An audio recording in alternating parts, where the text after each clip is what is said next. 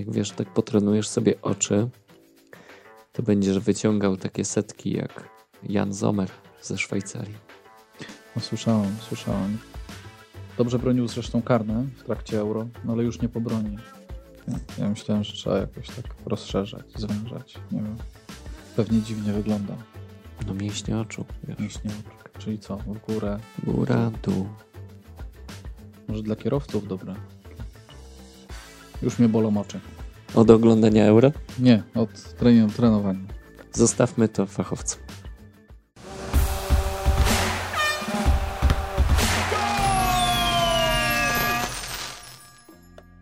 Euro okiem katolika. Po ćwierćfinałach Euro 2020. Okiem katolika zauważamy, że outsiderzy poodpadali. Nie wszyscy Nie wszyscy? Uznajesz kogo swoją ulubioną Danię za outsidera? Z tej czwórki drużyn, które ostały się w turnieju, no to Dania wygląda na najsłabszą, przynajmniej na papierze. Teoretycznie. Najpierw Szwajcaria zagrała z Hiszpanią. Miałem wielką nadzieję, że Szwajcarzy obnażą Hiszpanów. Było blisko, ale jednak Hiszpanie nie dali się obnażyć. Spodenki i koszulka zostały na ciele.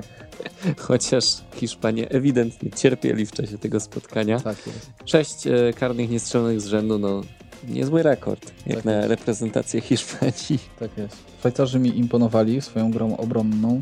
Bardzo dobrze się na to patrzyło, i z dużym też napięciem, ale no, jakoś nie wyobrażałem sobie, że, że tam padnie gol dla, dla Hiszpanii.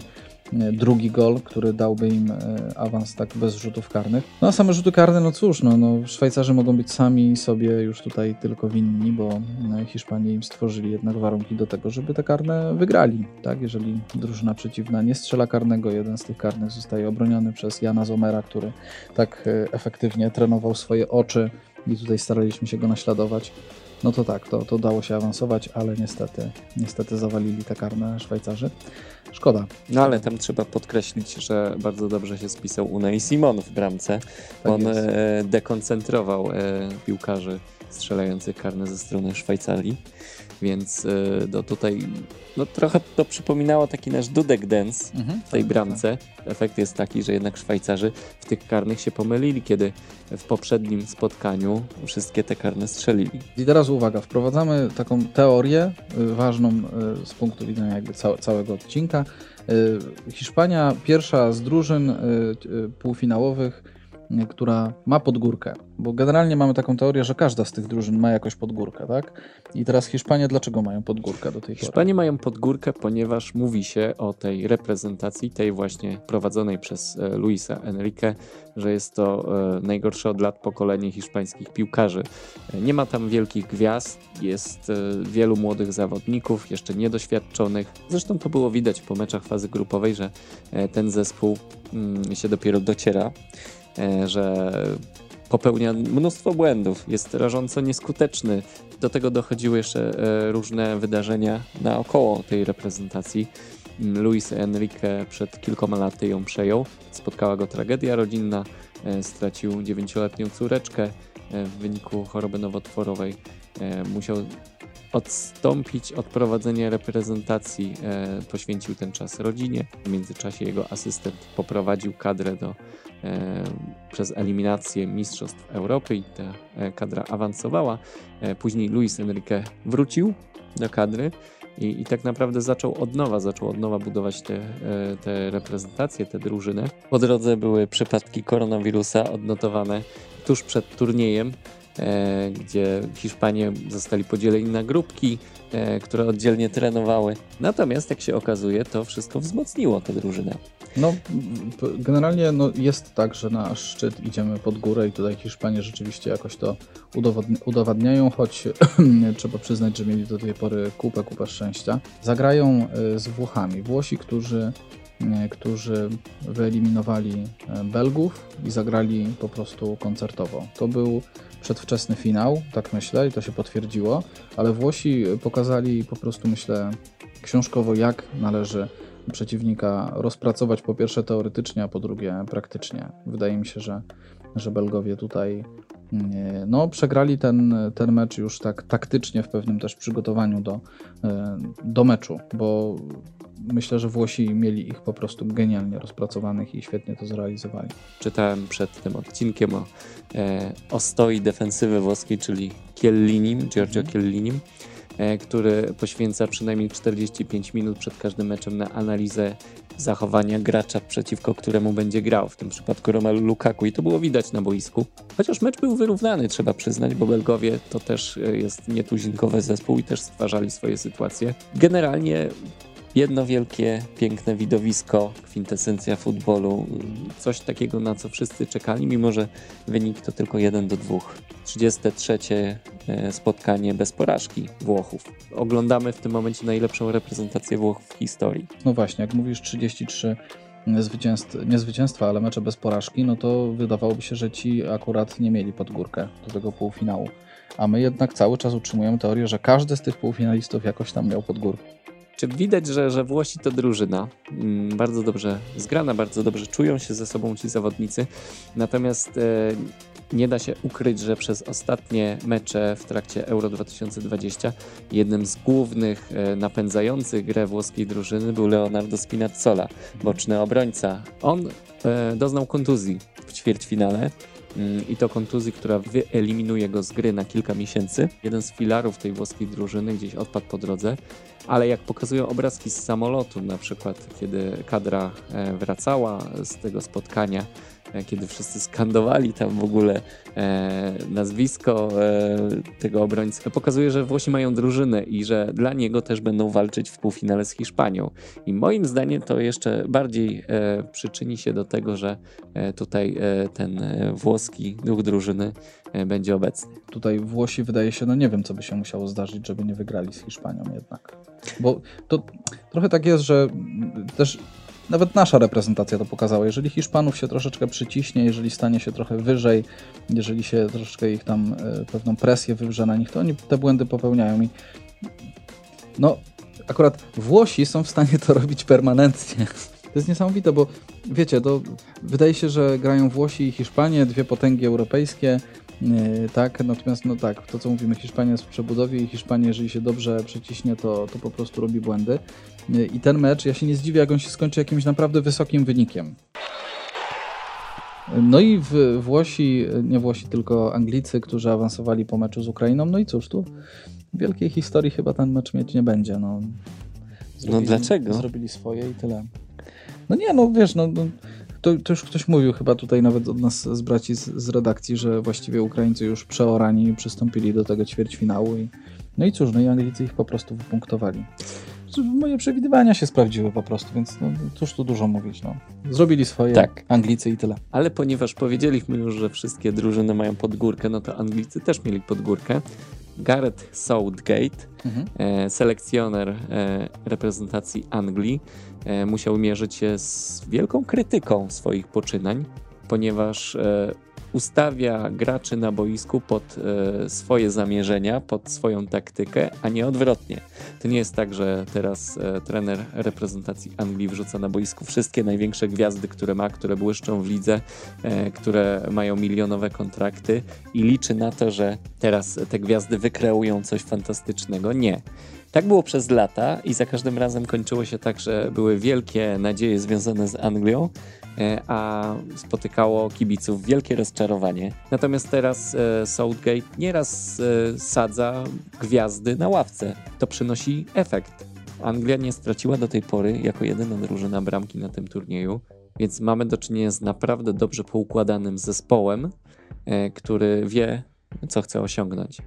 I tutaj bardzo ciekawe będzie to starcie z Duńczykami, bo o ile w trzech przypadkach e, półfinalistów mamy do czynienia z ofensywnym futbolem, to Anglia nastawiona jest na defensywę. Czyli widzimy, że czasy Davida Beckhama bezpowrotnie minęły w reprezentacji Anglii. Ja to tak hasłowo nazywam, bo to, to, to, dla mnie są te czasy, kiedy rzeczywiście grały gwiazdy, ale nie do końca może grał zespół. W tym momencie gra przede wszystkim zespół, choć tak naprawdę no, wszyscy ci zawodnicy to są gwiazdy. Okej, no i Anglicy mierzą się z Duńczykami, Duńczycy, którzy po tym, e, te, ten Eriksen Spirit chyba cały czas ich tak niesie, co? Ale już tak coraz mniej, tak? Tak Czechów pokonali 2 do 1. To nie jest tak, że Dania wyskoczyła jak Filip z Konopli e, i z miejsca dostała się do półfinału. Miała do pokonania e, Rosję, miała do pokonania Walię i teraz w ćwierćfinale Czechów drogę do półfinału mieli dosyć prostą, bo jednak nie, nie trafili tak jak na przykład Belgia na jakieś klasowe zespoły.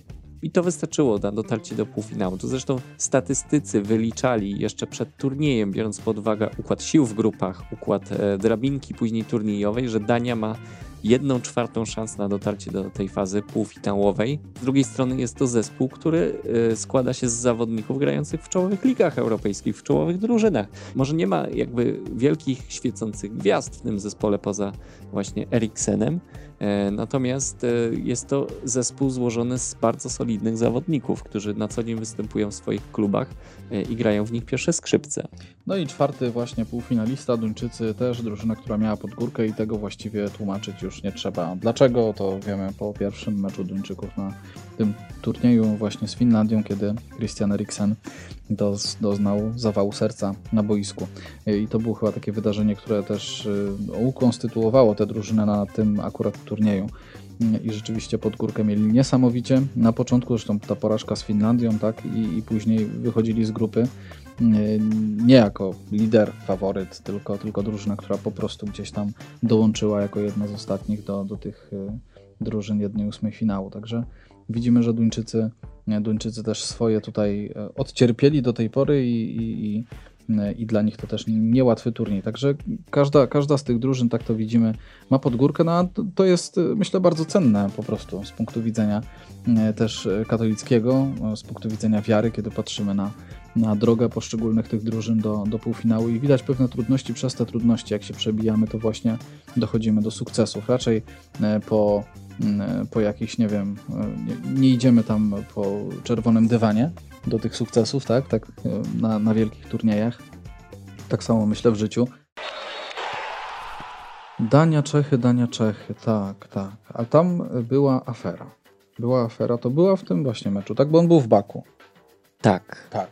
W Azerbejdżanie. Była afera. Słuchajcie. W sumie to już w Azji. To jest ciekawe, tak, że mm, właśnie jeden z ćwierćfinałów y, euro już prawie w Azji i w kraju muzułmańskim. Nie no, w Azji, no. I w kraju muzułmańskim bo tak sprawdziliśmy sobie przed programem, no ponad 95% y, populacji Azerbejdżanu to są muzułmanie, więc teraz, kiedy duńscy kibice wnoszą, bo może o tym czytaliście, była taka sytuacja, duńscy kibice wnoszą i rozkładają flagę tęczową na trybunach stadionu w Baku, to albo są nieświadomi tego, w jakim kraju ten mecz się odbywa, albo rzeczywiście specjalnie prowokują no ta flaga została im tam wyrwana, zabrana i dziękuję bardzo. No i Czy wielka, wyrwana, zabrana, w zasadzie to powi afera. powinni podziękować e, ochroniarzom UEFA, bo to oni zabrali te flagi, transparenty, e, że, że im uratowali życie, tak myślę. No było, znaczy myślę, że nie, nie można by się było dziwić, gdyby się odpaliło, odpalił jakiś muzułmański ekstremizm tutaj w, w niektórych e,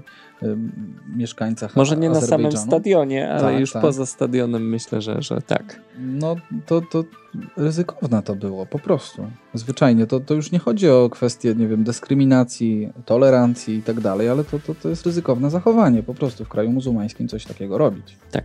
No, żeby dopełnić obrazka, no to w Azerbejdżanie w 2000 e, roku e, zniesiono prawo, które karało więzieniem za kontakty homoseksualne kraj ma po prostu restrykcyjne też prawo dotyczące homoseksualizmu. Jest podobnie jak w Rosji, z tego co czytałem w Rosji.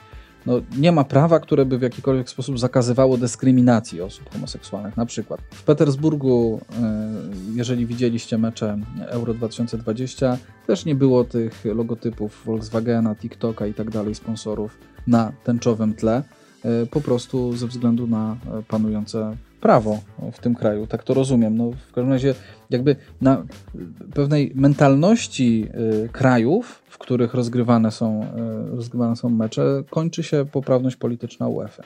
Tak ja, tak ja to widzę i tutaj ona ma swoje granice. Tak? No, mentalności na prawie poszczególnych, poszczególnych krajów. UEFA nie zgadza się z, z prowokacjami, a Mhm. takie właśnie działania, wnoszenie flag na stadion, czy wcześniej e, propozycje, żeby podświetlić stadion na tęczowo, kiedy Niemcy grają z Węgrami, no, wiązały się z tym, że była to prowokacja wymierzona konkretnie we władze danego kraju, e, więc tutaj UEFA na to nie, nie daje przyzwolenia, e, mimo że daje przyzwolenie na na przykład tęczowe opaski kapitańskie, czy właśnie te reklamy na bandach, to tutaj w tych przypadkach, w przypadku Rosji, Węgier e, czy mm, właśnie Azerbejdżanu, tutaj e, tego przyzwolenia nie było. Myślę, że dobrze, bo to tylko by zaogniło sytuację i to też by pokazało, że znowu tej polityki w meczach Euro 2020 jest za dużo e, i dobrze, że ktoś jeszcze ma odrobinę zdrowego rozsądku, żeby to tutaj powstrzymać.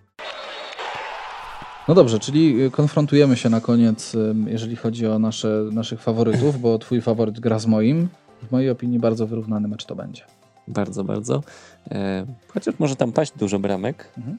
Z drugiej strony no, angielska defensywa tam trzyma się bardzo mocno. No zobaczymy. Mm, W każdym razie e, ja typuję finał Włochy-Anglia. E, myślę, że tutaj jednak... e, rozsądek, a nie serce. no tak, no jednak te e, naj, najlepiej chyba ułożone zespoły na tym euro Na to wygląda. przejdą do, do finału i będziemy mogli się cieszyć emocjami. No chyba, że będą rzuty karne w półfinałach, no to wtedy się wszystko może zdarzyć. tak, tak, po naprawdę. 0-0 i tak dalej, te, te, Mhm. klimaty, tak, tak. Myślę, że, że jest to jako, w jakiś sposób prawdopodobny scenariusz. Znaczy, jeżeli Duńczycy staną mocno obroną rzeczywiście przeciwko Anglii, no to, to może się tak stać. Yy, I wtedy loteria, rzeczywiście. Ale, Ale mamy, mamy taką nadzieję w ogóle, Mhm. nie? Że, że Włosi zagrają z Anglikami i to by było takie chyba najbardziej sprawiedliwe po prostu, żeby te zespoły się ze sobą zmierzyły. Tak, no i taki klasyczny w sumie finał. Mhm. Dwa zespoły z czołówki europejskiej, które rozstrzygają między sobą losy mistrzostwa. Natomiast chciałem powiedzieć, że wiem, kto zostanie królem strzelców. Tak, A tak, tak, rzeczywiście. Tutaj wątpliwości już żadnych nie mamy. Samobój. Samobój. Jest taki Bardzo piłkarz. dobry piłkarz w ogóle. Tak, wiele narodowości ma w ogóle. Tak. Czyli jest taki multikulti. Król mm, pola e, karnego, a w ogóle to już naj, najczęściej to w Nie, polu bramkowym tak, nawet się trzyma, właśnie, nie? To jest taki, taki typowy napastnik, ochłapiarz taki, nie? Że tak, Taki- tylko, taki, tak no. z bliska tego dokłada nogę tam. Tak, to, dokłada nogę albo coś, ale no, był z dystansu, z dystansu. Albo tak. gdzieś po, po rykoszecie Tak. go trafią.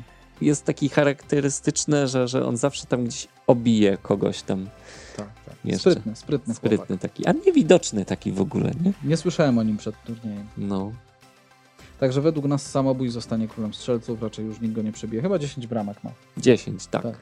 Okej. No, objawienie tego turnieju. Dziękujemy Wam bardzo serdecznie e, za ten e, czas z nami spędzony na omawianiu ćwierćfinałów i różnych tęczowych, dziwnych rzeczy, które się dzieją na Euro 2020. Pozdrawiamy.